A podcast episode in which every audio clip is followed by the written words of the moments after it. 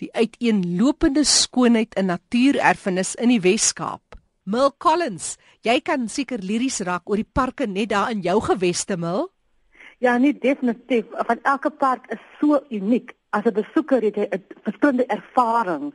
As jy byvoorbeeld dink aan Tankwa wat 'n bietjie droog is, maar die mees wonderlikste sandstorms wat rooi is en dit 'n belewenis. Ek dink jy weer aan 'n park soos Weskus wat blommepragt is by oomblik. Ek dink aan 'n kuspark soos Gallus waar die see en die blou lug en die mooi um strandarea en die lughuis. Ek dink jy weer aan 'n binnelandse park soos Bontebok waar waar daar verskillende spesies is en waar die plante so belangrik is natuurlik nie vergeet vir Tafelberg Nasionale Park nie. Dink jy aan geheime versteking goed soos die hut bo op die berg wat bitter min mense van weet. So elke park bied 'n baie unieke ervaring aan vir besoekers. Nou jy het vir my die pragtigste foto's gestuur en ons luisteraars moet gaan kyk op foto's. ERSG se webtuiste ersg.co.za en praat nou van die Ogallis Nasionale Park. Daar is 'n mooi uh, ou wrak wat daar lê was dit die, die wrak by die lughuis. Die hele kuslyn is is is gesaai met wrakke, né, met 'n baie baie ryk geskiedenis. Omdat mense het om die kuslyn gekom en daar was nou vir jou storms en daar was ook by Agulhas ontmoet die twee oseane. So die see is rof, daar sê die hele kuslyn het 'n baie ryk geskiedenis in terme hmm. van wrakke en seewrakke. En dit is ook deel van ons erfenis want dit praat van mense wat ingekom het. Erfenis. Mense uh, gaan graag na die Lughuismuseum toe of hulle gaan na die Bredasdorp museum toe om meer uit te vind eintlik 'n kus museum by in in Bredasdorp wat baie inligting het oor die wrakke langs die seekus. En dan het ons natuurlik die blommepragt aan die Weskus. Mel? Ja, nee, baie beslis. Weskus Nasionale Park, die Posberg area is net twee maande per jaar oop. En dit is waar die die die diere is wat dit van die park.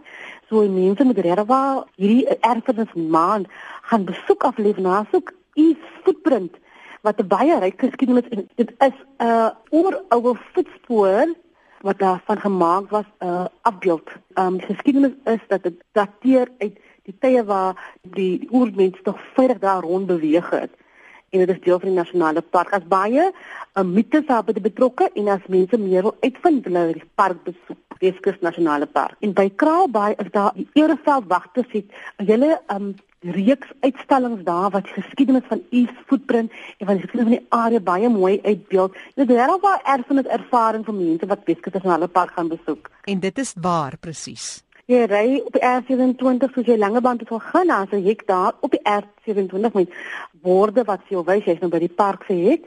Sodra erfenis maand verby is, dan is dit 'n bietjie makliker om in die park te kom want die park is nou baie baie besig. Mil Collins is woordvoerder van Sanparke in die Wes-Kaap. Mil Ons het 'n pragtige versameling van parke, buiten die wat jy nou van gepraat het. Landwyd vertel ons meer oor die parke en ons erfenis, ons natuurerfenis. Sjoe, as jy net net dink aan Kruger Nasionale Park met sy ryk geskiedenis en die mense wat betrokke daarbey is, kan jy nou kan jy dink aan wat 'n storie elke park vertel. Kan ek jy van Mapungubwe waar ehm um, daar uh, kulturele museum is op die park en wat jy ook baie mooi storie vertel oor erfenis en wat vir tipe mense daar gebly het of wat hulle wat gereedskap hulle gebruik het in daardie tyd hoe hulle mynwerkers was en hulle um, wat die hoofman gedoen het of koning gedoen het. So elke park het 'n 'n verskillende unieke storie om te vertel. Byvoorbeeld Tsuchikama het marine beskermingsgebied. Het nou onlangs 50 jaar oud geword en daar's daar Ograbi, Satsgalagadi, die parke is gekoppel aan gemeenskappe en gemeenskappe weet ons beteken erfenis. En wat voor en daar plaasgevind het voor die parke 'n nasionale park verklaar was daar mense gebly en daar was geboor gewees en daar was iets van gereedskap gebruik gewees en baie van hierdie goed word beskerm deur ons erfeniswette So daar is in elke park so 'n ryk erfenis geskiedenis. Elke park is baie uniek in daardie opsig want as ek van ek het bevoorreg was myself by in 'n groep wen by die museum, die kulturele museum daar en dit was vir my so 'n openbaring dat ek uitvind hoe die mense geleef het in daardie tyd en wat hulle handel het plaasgevind en hoe gesofistikeerd die handel was. Byvoorbeeld het glas uitgeruil, hulle het hulle het goud uitgeruil, hulle het Hulle het ook beeldjies gemaak van goud en uitgeruil en daardie museum is regtig 'n belewenis om te gaan besoek. So elke park het dan hierdie soort of ryk geskiedenis wat wat mense kan gaan ervaar wanneer hulle gaan. En vir mense wat meer wil uitvind oor die parke, dit is 'n heel eenvoudige webtuiste. Dit is www.sandparks.org. Mil en dan het julle interessanthede wat ook gebeur daar in julle uh, omgewing. Jy's nou van die Wes-Kaap. Julle is omtrent bedrywig. Vertel ons meer van in hierdie tyd. Ja, man, een van die vennote is die stad Kaapstad. En hulle het vir ons gereël vir Erfenismaand. Het hulle vir ons spesiaal gereël vir die Tafelberg Nasionale Park personeel 'n uh, erfenisstap. En ons gaan nou deur die die tuine stap en ons sal hele 2 ure lank stap en dit was 'n program uitgewerk wat nou volgende week gaan plaasvind vanaf vanaf maandag Dinsdag en Woensdag is die 3 dae wat hulle uitgesit het.